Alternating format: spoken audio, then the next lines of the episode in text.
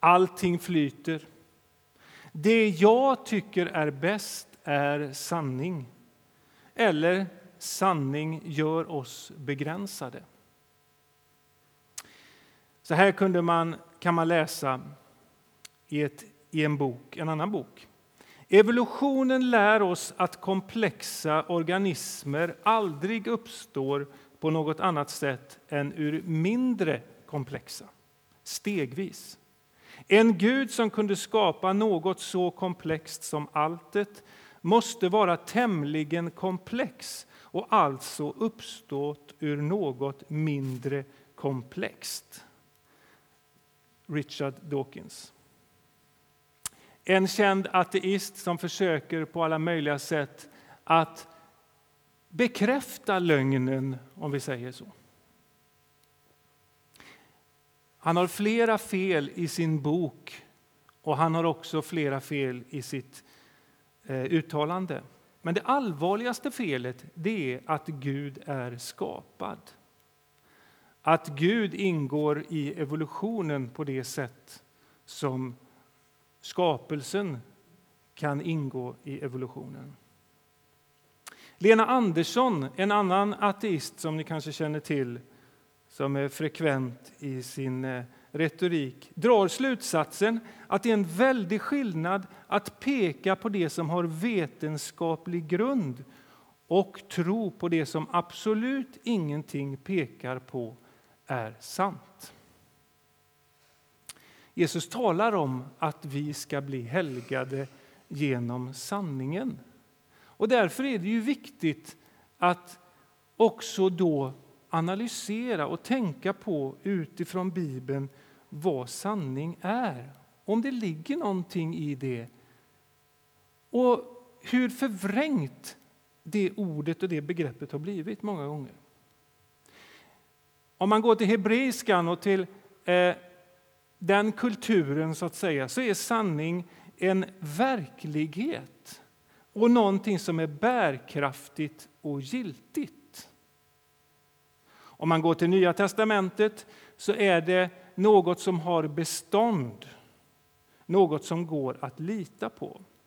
Exempelvis om vi läser i Första Johannesbrevet så eh, står det att man ska inte bara älska med ord utan älska med ord och med handling och sanning.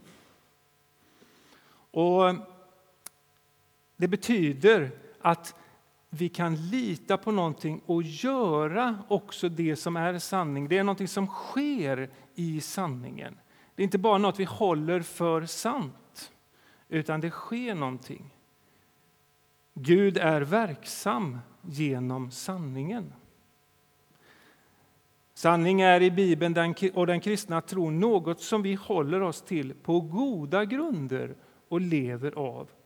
Och Det är också därför som Jesus ber att vi ska bli helgade genom sanningen.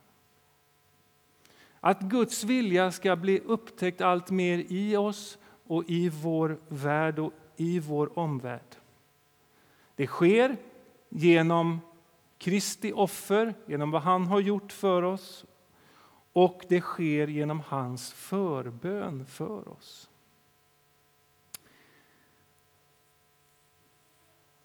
Det står faktiskt ganska mycket om det här med sanning i Bibeln. I Romarbrevet 1, som vi lätt glömmer bort, så står det att Guds vrede uppenbarar sig hos människor som håller sanningen fånge i orättfärdighet. Och sen, det man kan veta om Gud kan de ju själva se. Det betyder att, om man läser i sammanhanget, att eh, vi kan veta vem Gud är. Vi kan veta att det finns en Gud. Det är alltså mycket som pekar på att det är sant att det finns en Gud. Det man kan veta om Gud kan de ju själva se. Och I Gamla testamentet så vet vi att det finns väldigt många löften om Jesus och Messias. Och Jesus själv han hänvisar till Gamla testamentet för att det ska bli liksom inte bara något som hänger i luften, för att inte han ska bara bli en figur som poppar upp. utan att det är Gud som har lagt ner i Jesus det som är liv och det som är sanning. Jesus säger Herrens ande är över mig i Lukas 4.18.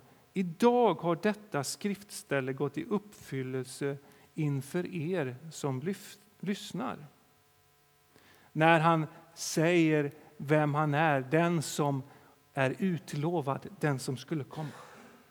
Och vad händer med människorna runt omkring? När Jesus säger att han är Gud, när Jesus säger att han är sanning. Man blir ursinnig. Man vill driva honom ut ur templet och man vill driva honom bort. Och Det är för att sanningen blir uppenbar. Man hade hoppats att det alltid var gott när sanningen blev uppenbar, men inte alltid tyvärr. Ändå måste sanningen komma fram. Och för oss är det det bästa. Jesus säger ju det själv. Jag är vägen, sanningen och livet. Sen om det inte, som om det inte skulle räcka med en person som har levt här på jorden och är, omvitt, är, är omvittnad i Gamla testamentet, som är väntad, som gjorde underverk och så vidare, så har vi vittnena i, en, i Nya testamentet och hela historien som är full om och av vittnen om denne Jesus, denne Guds son som skulle frälsa världen och som gjorde det.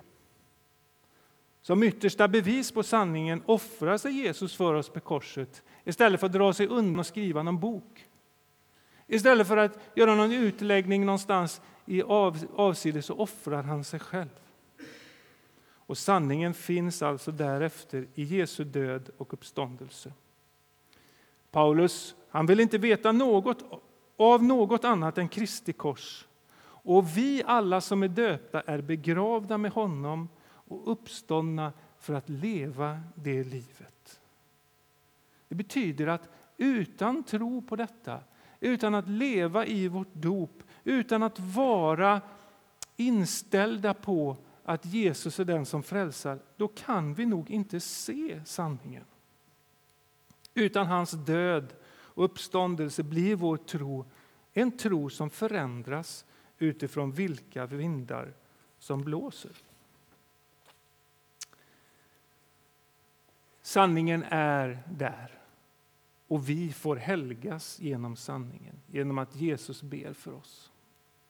Jag tänker att det är som att vi dras med i Jesus-tåget. Ehm, en eh, liksom kraft som säger, ska du inte följa med här? Det verkade vara så när Jesus gick fram på jorden. Människor de drogs till honom, de följde med. Och vi följer också med när vi dras till honom.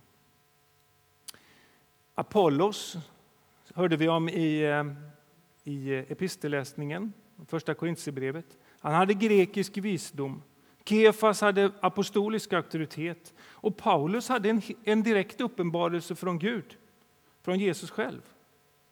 Och ändå så vill Paulus peka på Jesus, inte på sig själv eller på någon annan. För han kan inte vara delad. Och Jesus han ber för oss och han kallar oss gång på gång med orden Följ mig. Ord som är öppna men ändå bara kan leda till sanningen. Han visar själv för den som följer att han är pålitlig. Han visar för den som tror att han är levande och verklig.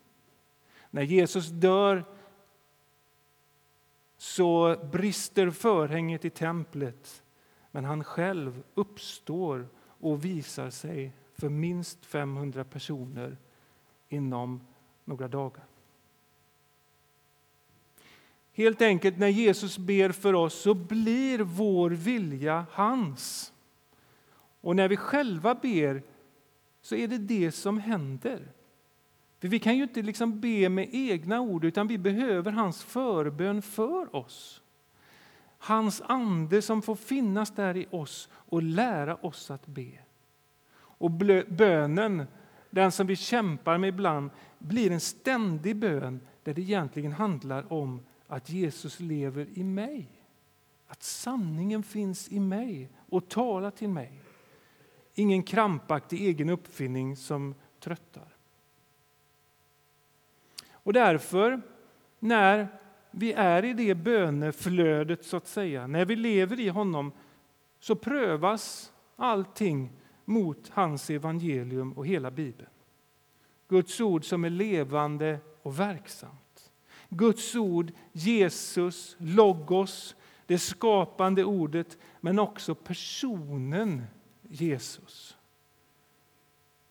Därför är det omöjligt att plocka bort något från Bibeln, då detta är Jesus och Guds vilja. Utifrån detta kan vi då också säga att sanningen är enhet med Gud och varandra. Vi har ju vår fina ikon här framme, treenighetsikonen, där Gud, Fader, Son och Ande är tillsammans. Pekar mot offret, mot kalken.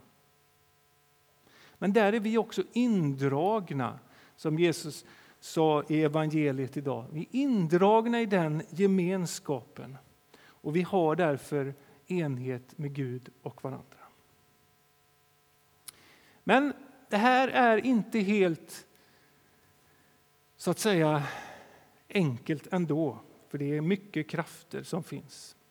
Magnus Malm skriver i sin bok samtidigt om den postmoderna relativismen. Fint ord.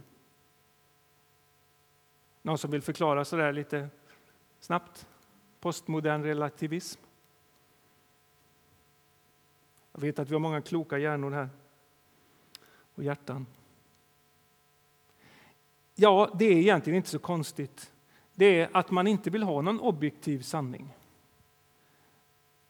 Att man lockas, jag tänker på, på Adam och Eva som lockades att överge det som var sant, det som man skulle hålla sig till.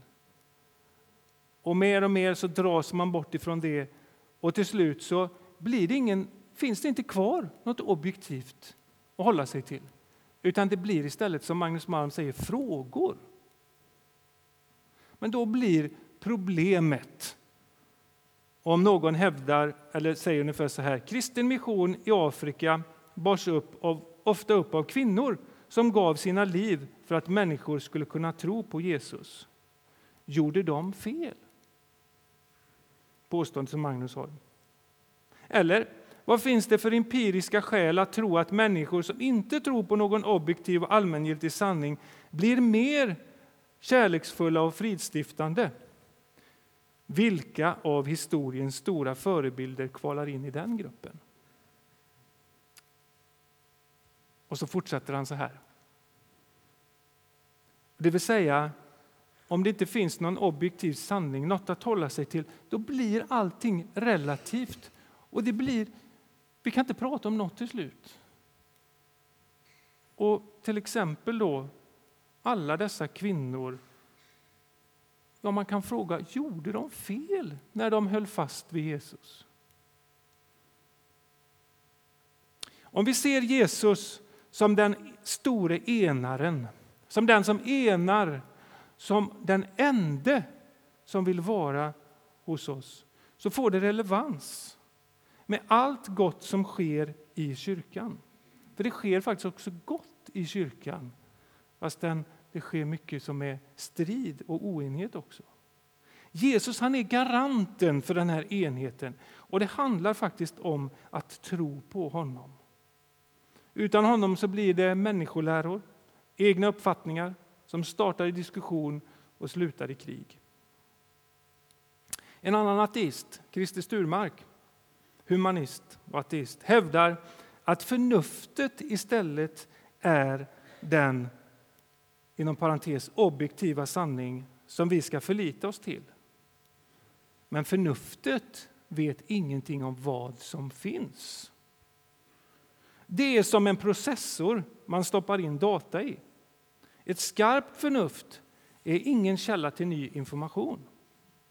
även om man kan lockas att tro det ibland. Och man kan bli imponerad av det skarpa förnuftet och intellektet. Men ingen källa till ny information. Förnuftet vet heller ingenting om rätt eller fel. En kraftfull dator kan användas för att förmedla, li, förmedla livräddande medicin men också tillverka självmordsbomber, säger Magnus Malm. Därför att förnuftet har inga värderingar. Förnuftet är fantastiskt. Och vi ska älska Herren också med vårt förnuft. Men samtidigt så ska vi inse dess begränsning. Ja, är det inte väldigt teoretiskt det han har stått och pratat här idag? Nej, egentligen inte. För det handlar om det som vi vill. Det som vi vill som kyrka, att det bättre och bästa alternativet är att följa Jesus som sanningen och utifrån Paulus ord, en är Herren, en är tron, ett är dopet, en är Gud och allas fader. Han som står över allting, verkar genom allt och finns i allt. Förnuft, kärlek och sanning förenas i den enhet som bara Jesus själv kan skapa ibland oss. Och vi får ta till Einstein för att avsluta det här.